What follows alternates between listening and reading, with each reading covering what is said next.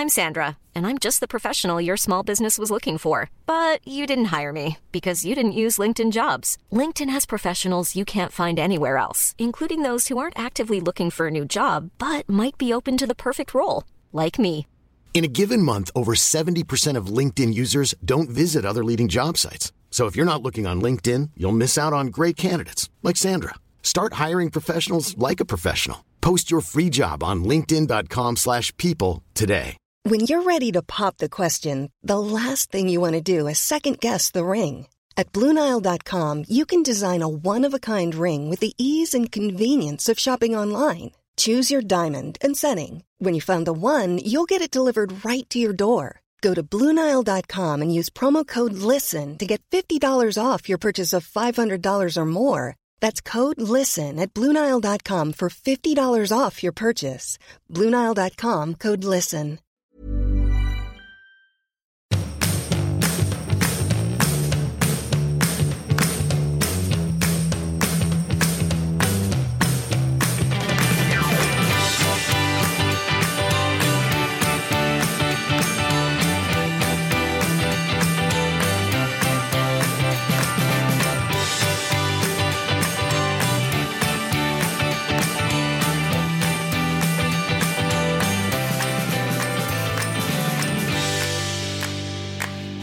Välkomna till dagens lille-lördag.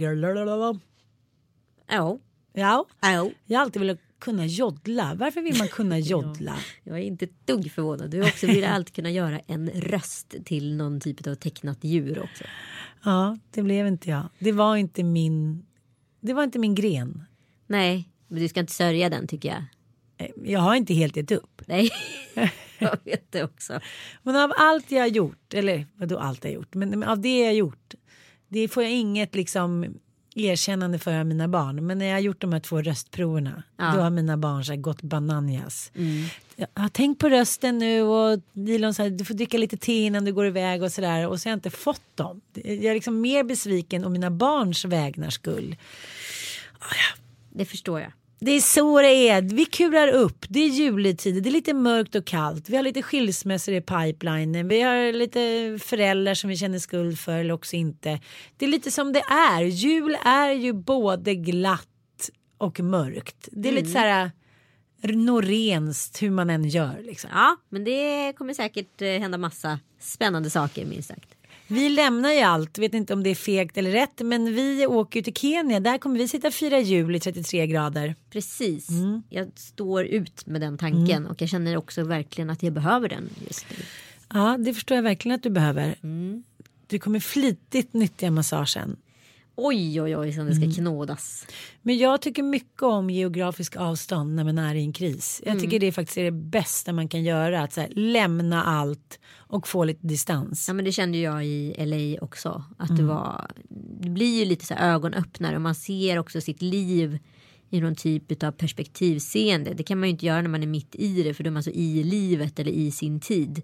Men när man får distans till det då kan man liksom summera i alla fall. Jag ser allting väldigt tydligt i huvudet och jag kan se så här de stora penseldragen på något sätt som man aldrig ser i vanliga fall. Liksom. När jag separerade så hängde jag ju väldigt mycket med eh, min bästis och hennes dåvarande man. Nu är de också separerade. eh, det var väldigt skönt att liksom hänga i en gammal kontext med ett par. Det kan låta väldigt liksom märkligt att, att man vill vara med andra som lever i tvåsamhet. Men för mig tyckte jag att det, det kändes ganska tryggt på något sätt. Ja, men jag var på en sån här eh, singelmiddag för ett tag sedan och jag kände liksom att jag är ju inte riktigt där än. Nej. Förstår du? Alltså det var liksom det var superhärligt och superbjussigt liksom. Men mentalt var ju inte jag där.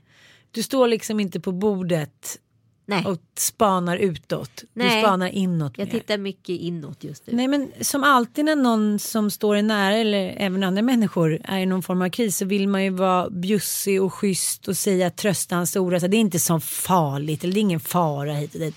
Men just när man går igenom en separation där kanske känslorna inte är helt döda och man gör det i all vänskaplighet. Då blir det ju liksom en berg och dalbana ganska länge. Och då är, får man ju bara ursäkta uttrycket, tugga i sig det och inse att det kommer komma en vår. Det har det gjort för nästan alla människor. Ja, så är det ju. Men Ja. liksom det är ju. Det är ju en speciell tid i livet. Jag har gjort det här en gång förut. Jag tror liksom det tar upp till ett år innan man liksom är känslomässigt avprogrammerad. Alltså Mm. när man väl har tagit beslutet att man ska gå vidare. Det är samma sak där. Att man, man vill att det ska gå över fort. För allt i vårt samhälle kan ju gå över fort. Precis. Huvudvärkstabletter, operationer. Det är bara lösa. Ja, men just liksom ett krossat hjärta eller ett brustet hjärta eller ett liksom tilltufsat hjärta. Det är bara att vänta ut. Det är verkligen så här, det lagas dygn för dygn men det tar ganska lång tid. Och när man minst anar det så bara går det upp igen. Ja, ja, gud ja. Och så där håller det ju på liksom upp och ner. Men Och det är var ju- Nu har ju du skilt dig en gång förut men det är mycket lättare att separera när man inte har barn för då kan man ju smita ifrån det både mentalt och geografiskt. Det kan man ju aldrig när man har barn. Nej, du måste ju hela Mm. tiden riva upp det där såret en gång i veckan liksom. Men jag kan fortfarande känna så här, gud vad härligt, nu drar jag bara till Los Angeles och frilansar ett tag. Och så bara, nej men det går inte. Det går inte. Jag, är så här, jag måste bliva vid min läst. Mm. Sen finns det ju vissa gemensamma kompisar till oss som har löst det där på ett otroligt snyggt sätt. Men eh, det kommer inte kunna gå i min relation, jag vet det. Att det, är så här, det kommer bli varannan vecka livet tills de flyttar hemifrån. Och det är också en liten boja såklart. Men det är klart det. Å andra sidan gör ju barn dig unga också på ett sätt. Mm. Jo men det är sant. Jag menar, jag menar inte att jag klagar så men det hade varit kul att bara ta alla fem och stoppa i en resväska och sticka och surfa ett halvår. Ja. Det som händer när man också är två publika personer det är ju att det alltid startas en liten ryktesspridning. Och jag har ju hört lite grejer och hitan och ditan. Och det är ju inte så roligt. Men jag, jag, jag Det vill där når ju själv, sällan än liksom. Ja. Men det har ju gått fort. Man bara what? Men eh, jag tänker samma sak där. att här, Det är just det som sker också med Instagram och publika grejer. Att alla tycker till. Ja, ja, ja. Ja. Alltså man vet ju vad man så här, att man så här nu liksom kommer ju alla så här smörja kråset här och götta sig där. Det har man ju själv gjort liksom. Så det är ju bara att smaka på sin egen jävla medicin. Så är det ju. Men liksom. Ja, jag vet inte riktigt vad jag ska säga. Det är klart att det inte är så kul att höra om sig själv i tredje person och osanningar. Liksom. Men, och det är ju aldrig en orsak. Det är ju inte som i Dynasty liksom. She was, he was eller vad det nu är. Utan det är två personer som liksom har problem. Och så är det ju. Det är inte mer med det. Men det tycker jag är lustigt ändå att det alltid är kvinnorna som ändå blir liksom utsatta för det mesta. Ja men så är det och det slog mig så, så tydligt i helgen för då var, såg jag extras eh, vimmel från Mammagalan. Och där hade jag blivit formulerad och det här var ingenting som jag egentligen tog personligen men utan jag fick liksom en större tanke eller vad jag ska säga runt det här begreppet där det stod så här Mamman till kända barn Penny Schulman eh, kom till mammagalan i linne och ett par tra- var ledigt klädd i linne och trasiga jeans. Eh, och då tänkte jag så här, varför skriver en kvinna en sån negation om en annan kvinna? Varför går, går man så långt så att man på en gala där mammor ska hyllas för att de är just mer, eller vad jag ska kalla för, än mammor om det nu anses vara att det är marginaliserande. Varför väljer man att kommunicera på det sättet då? Och du är säker på att det var en kvinnlig reporter? Ja, det var Aino Oxblod på Expressen Extra. Mm. Och då slog det mig helt plötsligt att så här, här är ju liksom ojämställdheten total. För Kalle hade ju aldrig formulerats på samma sätt. Han hade ju inte varit pappan till kända barnet Penny Schulman. Han hade ju varit Nej. Kalle Schulman, pappa till Penny Schulman. Men när man läser, du skickade det där till mig, Mm. när man läser så instinktivt tänker man så här, men ville hon vara taskig? Men det ville hon ju inte. Det tror jag absolut nej, inte. Nej, det tror inte jag heller. Men Det är då det här blir- med det, om programmeringen är så fel. Fast då tycker jag nästan att det blir som ett så här, dels ett kardinalfel, dels ett tjänstefel. Om man nu ska jobba, om man väljer att man ska jobba på en vimmeltidning eller kändistidning och det får man jättegärna göra, det är säkert jättekul. Men då måste man ändå vara lite påläst kring de som man ska vimla och skvallra om om man säger så. Jo men det är det här Eh. jag menar och det här jag återkommer till så många gånger att det finns olika tonalitet när det kommer till kvinnor och män i i media. Alltså kvinnor beskrivs på fortfarande ett marginaliserande sätt. Men det var inte det som var nog i tanken som nådde mig. Det, stannade inte där utan så var det någon som skrev så här. Ja, och när man är pensionär så är man bara pensionär. Då är hela ens karriär utraderad för då är man pensionär. Och det är också ett sätt att marginalisera. Men mammor marginaliserar sig ju själva. Jag är eh, Petters mamma, mint lilla trollgroda och så vidare fru till och så vidare. Liksom. Fembarnsmamma. Ja, fembarn. Mm, Nej, men det, att det här epitetet hela tiden måste finnas med för annars är du inte legitimerad som kvinna. Du måste vara hora, du måste vara madonna, du måste vara mamma, du måste vara någonting. Under tiden en man bara kan vara en man med för och efternamn. Men jag skrev ju en artikel om det där en gång. Dels om det kvinnliga könsorganet. Det finns kanske 600 olika uttryck. Om mannen finns det kanske så här ja, det finns ganska många men absolut inte lika många. Och det är samma sak med det här skökan, horan, madomman, mamman. Vi måste vara fasta i ett epitet för att inte vi ska vara hotfulla. Exakt. Ja, Medan eh, pappan, jaha. Ja, men, men det var någon häromdagen som vi pratade med du och tillsammans som sa men är det biologiskt det här att vi känner så mycket liksom mer lojalitet för män till exempel i en skilsmässa eller något liknande. Jag menar, om hon hade bara hade ansträngt sig lite grann och så här, googlat i så hade hon ju fått upp eh, designer, entreprenör, poddare, skådespelerska, alltså särskilt du i rest my case. Mm. Har ju så här sjukt många liksom, strängar på din lyra. Och då blev du kändisbarnet Penny Schulmans mamma. Mm. Det, det är nästan lite roligt. Det lite fast roligt. det är ju inte det. Nej, exakt det är ju inte det. Men samtidigt så kan jag vara så här, det handlade ju inte om mig den här gången. Alltså det var inte så jag såg det utan men det var bara ett oerhört tydligt exempel för mig att ta upp i och med att det handlade om mig. Men det jag insåg där och då det är ju att så här, mamman är ju den nya utvikningsflickan. Det har inte hänt någonting. Männen är fortfarande bara män. Mm, men mm. vi måste vara mammor. Mm. För att vara liksom legitimerade till att ha någon typ av framgång eller karriär eller få någon typ av respekt. Kanske handlar om. Så det du försöker säga är att madonnan och horan har blivit en hybrid och blivit ja, mamman. Exakt. Ja, det där tycker jag var smart formulerat av mig och av dig. Som vanligt. Det fanns ju en väldigt spännande debatt förra veckan som jag mm. liksom har bara ah, satt mm. tänderna i. Eh, det var DN som hostade den. Och det handlade om eh, kulturmannen. Finns han? Och finns han i fler sfärer än just i kulturen? Och vem är mannen och hur skapas han? Och det var Lena Andersson och Carolina Ramqvist som eh, debatterade det här, eller mm. diskuterade det här. Mm. Eh, och eh, exempelvis så är kulturman det som definierar en kulturman och det är, som sagt kan vara i näringslivet, det kan vara i sporten, det kan vara överallt. Det är ju att han är väldigt karismatisk och behärskar sitt område väldigt bra. Och så länge kulturmannen liksom levererar så kommer fortfarande kulturmannen existera. Och exempelvis är Zlatan en kulturman.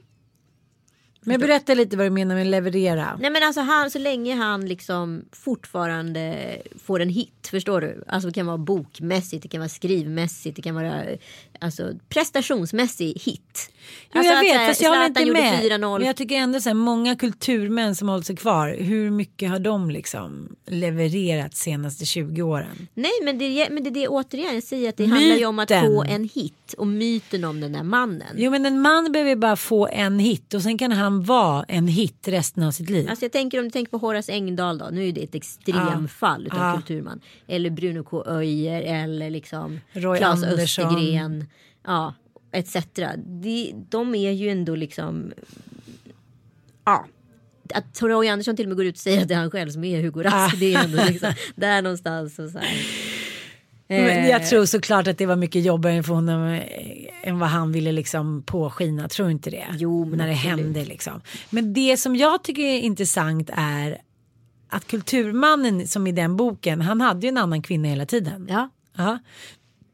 Det var ingen som pratade om. Det var helt på sin plats. Det var helt så här, Men coolt så tror jag de flesta kulturmän funkar. Och det är ju också, alltså jag tror alltid att kulturmannen har ett hov av kvinnor. Och de definierar det ganska intressant här i den här debatten.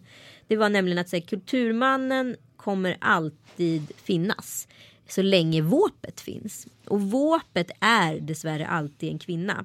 Och våpet för att definiera henne skulle ju vara liksom behagssjuk, lite mystisk, lite osäker. En kvinna som imponeras av män. Som exempelvis ser en pappa på stan med sina barn och tycker åh vad han är underbar. Men reagerar inte på samma sätt när hon ser en kvinna. Eh, och, och, och liksom våpet är ju också en inträdesbiljett i en spännande värld för den här kvinnan. Och hon kan ju också spela ett våp för att få access till kulturmannen. För när, när vad heter det, den här accessen har givits då är hon ju liksom i det förlovade landet på något sätt. Och det blir ju lite som en vampyrrelation. Att så här, kulturmannen suger det här våpets blod och får liksom själv ett elixir och ett liv. Och tvärtom liksom. Så det blir liksom som en, vad ska jag säga, en organism som när varandra på något sätt. Jo, men kulturmannen behåller ju aldrig våpet i det långa loppet. Nej, För kulturmannen måste ha sin trygghet. Ta Ing- Ingmar Bergman, ta vem som helst liksom. Roy Mm. Andersson. Det måste finnas den goda kvinnan som står där bakom när han faller eller kommer hem men från ett skapande. Ja, jag vet. Men så länge det finns så kommer vi, så här, du och jag brukar ju prata om vad är skillnaden på personligt och privat och det har vi fortfarande inte fattat. Jag tycker att det är samma sak med den här behagssjukan. Att, här, vi satt och pratade med några kompisar häromdagen och båda de tjejerna erkände direkt att det kommer en man som har skilt sig som sitter och fikar och gör något litet med sina barn och då tillskriver de honom så här 60 000 bra egenskaper. Han är en bra pappa, han tar ansvar för sina barn, bla bla och sen ser man mamma göra det 400 gånger och det är bara på sin plats. Ja, eller då reagerar man kanske på så oj vad Oj. hårt hon satte på mössan. Ja eller, precis, oj, bara, fick de inte den där bakelsen de, som de ville ha? Gud vad snål hon var. men- Man vill direkt gå mot det negativa hållet mot en mamma för hon ska vara perfekt. Det hände ju mig en väldigt spännande grej i helgen. Vi käkade ju lunch på Bobergs matsal där på NK. Ja. Eh, Födelsedagslunch till Kalle och sådär. Och sen så skulle vi, då var det liksom ett hej då som inte gick så bra för Tom Allan för han hade sovit hela lunchen. Så han får liksom ett så här, ett, ja, ett två och ett halvt års trots psykbryt som han får nu lite Jo, då. tack. Jo tack. Ja men ni vet, du vet släng, Jo. klassiska slänga sig på golvet i matvarubutiken eller Ja. vad det nu än är. Slänger han sig på golvet och är som en så här mask som inte har en led i kroppen. Och då hamnar jag nere vid rulltrapporna vid NK och så här, han får sitt bryt liksom.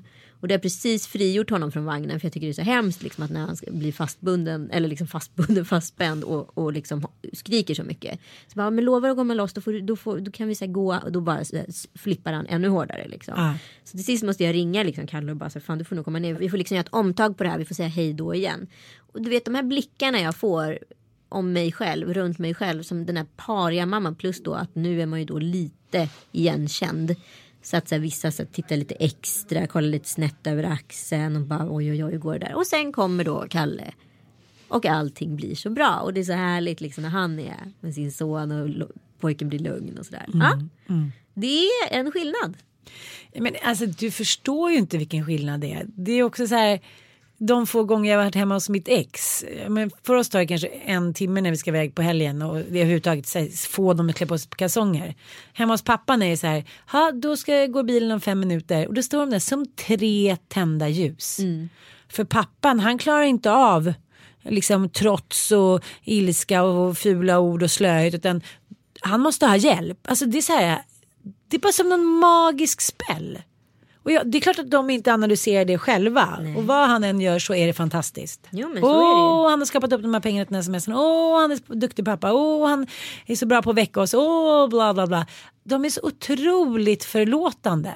Sen när jag gör någonting. Ja, vi pratade om det i helgen när vi hade middag. Ja. För pappan då som var på middag sa så här. Jag brukar överhöra att när de inte tror att jag hör liksom sönerna, då är de rätt taskiga mot mamman. Mm. Att det är så här, mamman är fortfarande lite så här tjänarinnan i varje hem. släng. Ja, och då är det vissa som säger så här, ja men det är väl bra, de känner sig trygga hos dig. Fast jag har också sagt de här uttrycken, men jag säger så här, fuck that, vet du det? Vad då känner sig trygga? Om de känner sig trygga och älskar mig så mycket, då ska de visa mig mer respekt. Jag är på gång nu med den där grejen. Ja, alltså. men jag liksom. Jag sågat dig lite för det tidigare men jag, du gör ju faktiskt alla rätt just nu känner jag.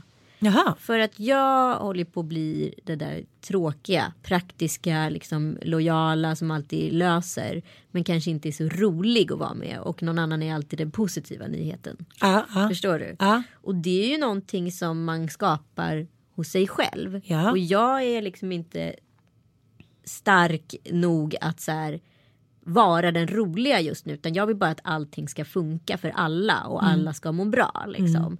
Men då blir man ju inte heller så jävla kul. Nej. För kulkontot är inte så högt. Nej men det, var, det är ju bara att ta min pappa. Han kom hem lite då och då under uppväxten från någon resa när han hade varit iväg. Kom med presenter och var så himla kul och mamma var kvar där i vardagen. Hon hade ingenting emot det. Det var ju annorlunda på 70-talet också. Det var inte samma krav på utseende och jobbhets som man säger så. Men eh, det här är ju någonting som barn, de glasögonen eller ögonen har ju inte barn för fem öre. Nej, det kommer De senare här, i livet. Han är mycket snällare.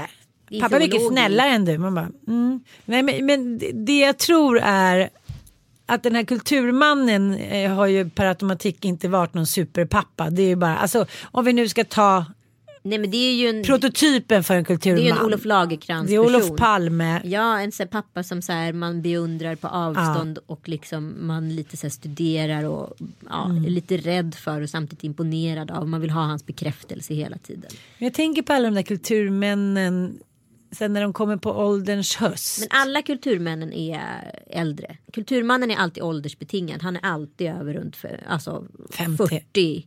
Ja, just i kanske sportvärlden är ju Zlatan ganska gammal för att vara en fotbollsspelare. Så Ja, just där funkar det ju. Men, men i kulturvärlden så är han alltid runt 50 och uppåt. Och det, det tyder också på status. Och pondus. Men jag tror ändå att kulturmannen är försvagad. Alltså om man jämför med liksom 20 år sedan då var han ju liksom upphöjd alltid. Nu Uffe tycker Puffe jag- Lundell eh, Ja, nu är det ändå lite så här. Man ser skavanker, han har krökat lite för mycket. Det har varit lite för unga Det brudar. var inte så kul hemma hos Plura egentligen. Nej, nej men eller hur. Så att jag tror så här. Även kulturmannen har försvagats men ja han finns verkligen. Det är ingen typ som attraherar mig. Eh, jag förstår inte vad man ska få för vinning av det överhuvudtaget. Jag tror också att den kvinnan, våpet som är med kulturmannen har inte heller längre samma status. Nej, det tror inte jag heller. Förr Nej. i tiden så var ju hon en musa. Ja, precis. Eh, nu är hon ju inte riktigt det längre. För jag kan tänka mig så här, det värsta ödet i mitt liv skulle vara att ligga och vänta på att en kulturman skulle höra av sig. Det finns ju så vidriga beskrivningar i, i Och jag har eh, väntat så Anderssons många bok. kulturmän i mina dagar. Har du? Ja, jag Har har du? varit ett sånt våp i yngre år. Jaha, Tycker de har varit så spännande de där kulturmännen. Varför? De är, alltid, de är alltid packade, de kan ju inte ens få upp den. Ja men det var sex, det sexuella, det handlar om bekräftelsen att få vara nära den här skalden. Nej, så där har jag aldrig känt. Och det var inte E-Type.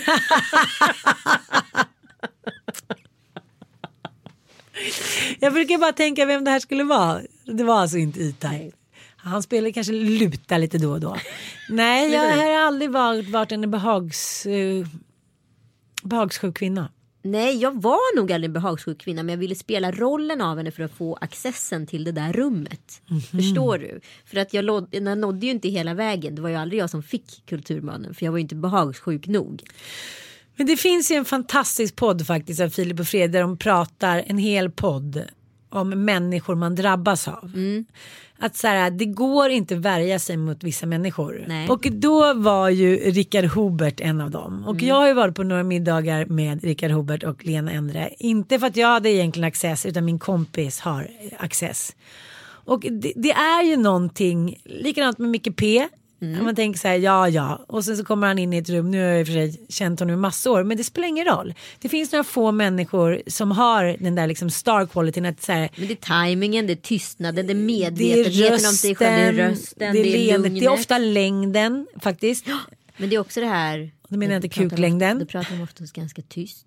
Och när Mm. de säger någonting så säger de det ganska långsamt och Mm. eftertänksamt. Och de är inte sällan oftast de som driver samtalet men det är alltid de som kommer med de smarta analyserna och spaningarna och summerar ihop säcken på något sätt. Mm. Men det finns ju några kvinnor såklart, lika många som männen, som också har varit så här otroligt drabbande. Carola Häggkvist är ju en av dem. Ja, Alltså jag har Hon hört så många som sak, typ har offrat sitt liv. det är du också. Du också alltid sent. Främling, vad döljer du? Jag skulle bli ett sångerska. Ja. Nej, men det är klart att det finns lika många kvinnor som män som man drabbas av. Men det är svårt att sätta fingret på varför man drabbas av vissa människor. Jag tycker det där är jäkligt fascinerande. Men det var i alla fall en väldigt, väldigt rolig på så här, Helena Endre då drabbades av honom. Och då när man lever nära en sån där härlighet så är det ju svårare att lämna. Men hur många kulturmän är så där härliga efter ett tag? Alltså, Nej men det är ingen som är härlig och kulturmannen brinner ju, det är ju som en nattfjäril. Han Han lever en natt, han är som en trollslända som så flyger runt och krumbuktar sig. Och sen så dör han ju. På morgonen är han ju inte intressant för då finns inte alkoholen där, då finns inte liksom sammanhanget där och då är han ju bara en ganska blek, ängslig, sorglig, ensam man. Jag träffade ju en kulturman nu när jag separerade. Aha. Ja. Och eh, han var så fin. Han gjorde så behjärtansvärda saker. Han kanske var mer en världsman. Men, men det är också sådär när de ska... Vad fan är skillnaden? Förlåt mig, kan vi reda ut det? Vad är en världsman? Berätta för mig vad en världsman är. Jo men en, en, en kulturman han verkar i sin lilla sfär. Kommer han utanför ankdammen då dör hans lyskraft. Ja. För att hans, kulturmannens lyskraft består av att alla vet vem han är i den lilla Han kan ju ankdammen. inte flytta från stan heller. Han Nej. måste ju hålla sig kvar i storstaden. Jag har träffat några kulturmän som har försökt flytta från stan. Men det går ju inte. Men Det tog väl två veckor sedan var de tillbaka. Ja. Ja. Eh, och det var ett otroligt misslyckande såklart men som alla talade tyst om. Mm. Eh, men en världsman rör sig ju utanför Sveriges gränser och gör någonting storartat. Alltså Ja. försöker hjälpa barn i nöd etc. liknande.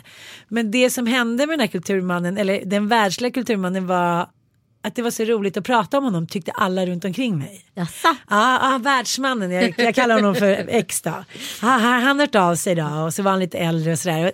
Det var mer att det var ett fenomen att liksom på något sätt han gjorde min och mina arbetskollegors och mina vänners vardag till en spännande roman. Att bara den här- prata om han hade hört av sig. Jag tänker på den här, eh, du vet den här karaktären i Fragglarna. När farbror Mac som var ute och reste och fick se världen under tiden Fragglarna hela tiden levde under jorden. Och farbror Mac kom hem och rapporterade om hur det var där ute. Och det är lite så. Jag är en och så är ju egentligen en kulturman och så är ju en världsman. Det är den som kan säga ge, vad ska man säga, den visuella illusionen om någonting som man vet så lite om. Öppnar upp en ny värld för en. Men tänk dig bara Så för, världsmannen är ju egentligen en kulturman. Ja men tänk dig bara för 50 år sedan när folk inte reste så mycket när någon hade varit i Amerika eller på Mallorca eller lite dit. Ja men de var ju superstjärnor Ja. såklart. Tänk dig Evert Taube. Där har vi där har vi essensen av kulturmannen. världsmän. Men jag vill gråta och jag vill ge upprättelse för alla kvinnor som har väntat på och väntat och trånat och längtat efter den här jävla skitstöveln som jag tycker kulturmannen är. Han är fan en skitstövel. det finns inget annat epitet. Han må vara ett geni någonstans men de flesta är inte ens det. nej, nej. Nej, nej, nej. De är bara självuppfyllda liksom, pompösa narcissister som så här, runkar till sin egen spegelbild. Typ. Ja precis och det är vi helt ointresserade Ja, av. så du, kan aldrig, du kan aldrig få kulturmannen för kulturmannen är redan, han är ju narciss Mm. Han har ju gift sig med sig själv.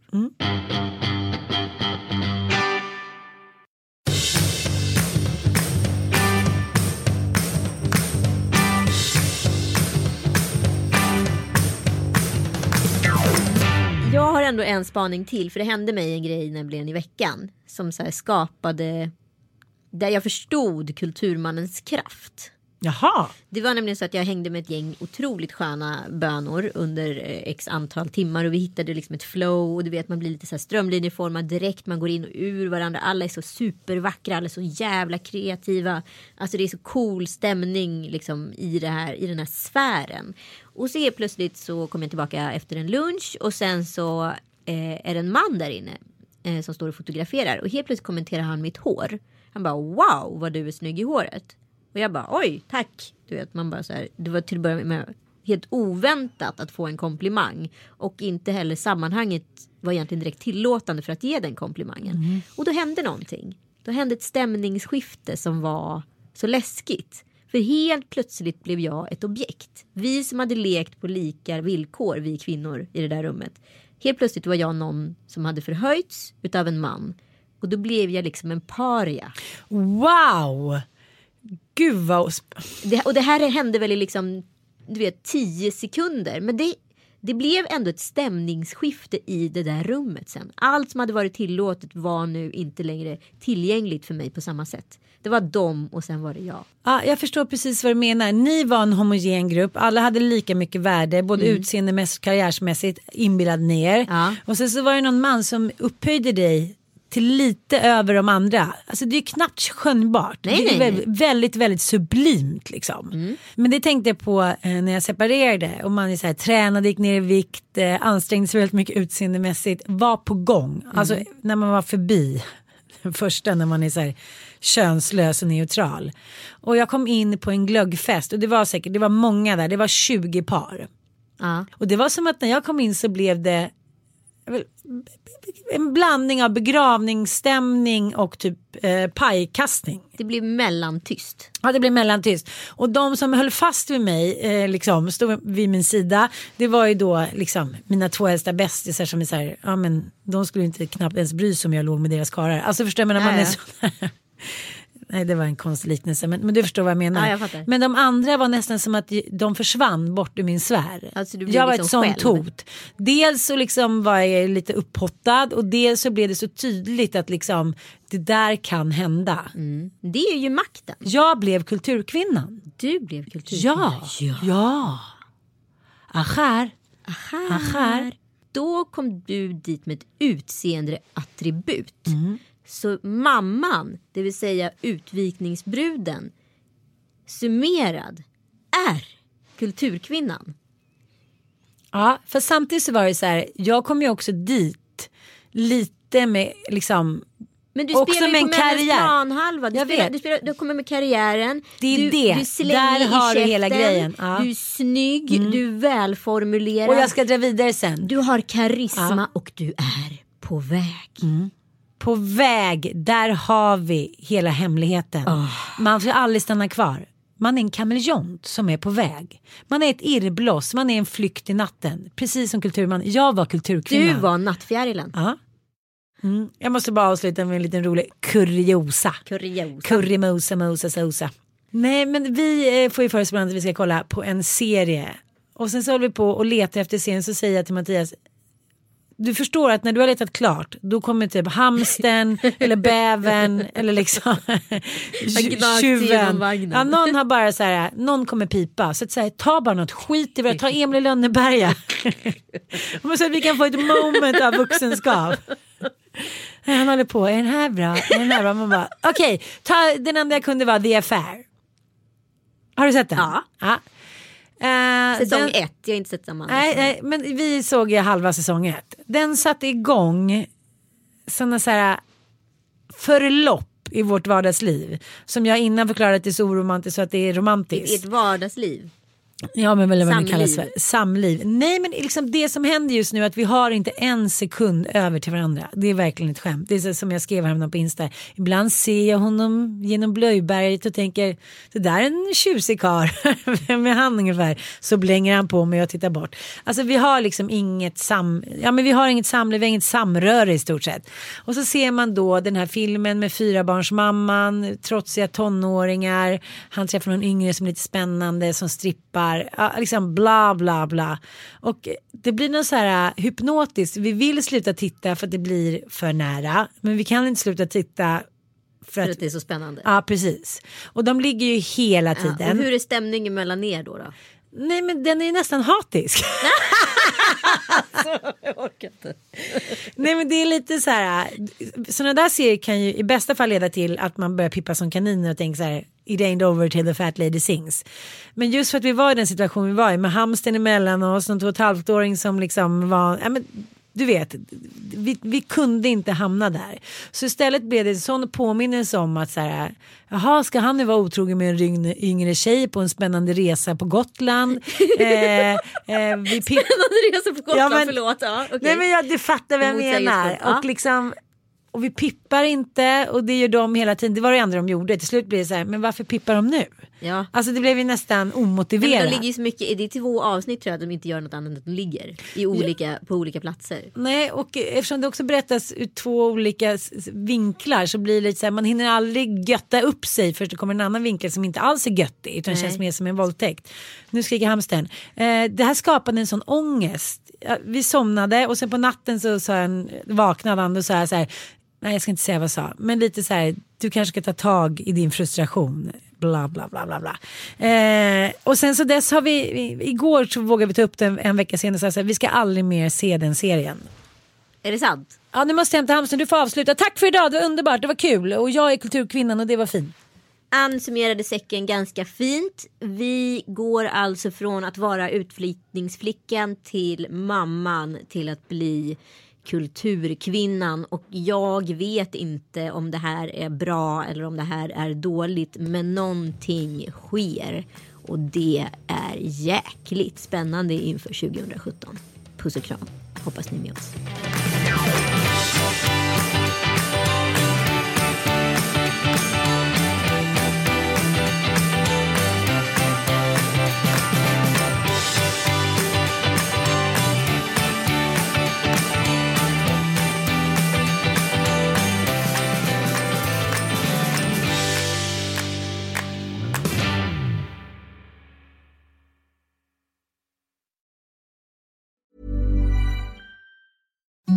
Imagine the softest sheets you've ever felt. Now imagine them getting even softer over time. That's what you'll feel with Bowl and Branch's organic cotton sheets. In a recent customer survey, 96% replied that Bowl and Branch sheets get softer with every wash. Start getting your best night's sleep in these sheets that get softer and softer for years to come. Try their sheets with a 30-night guarantee. Plus, get 15% off your first order at bowlandbranch.com. Code BUTTERY. Exclusions apply. See site for details.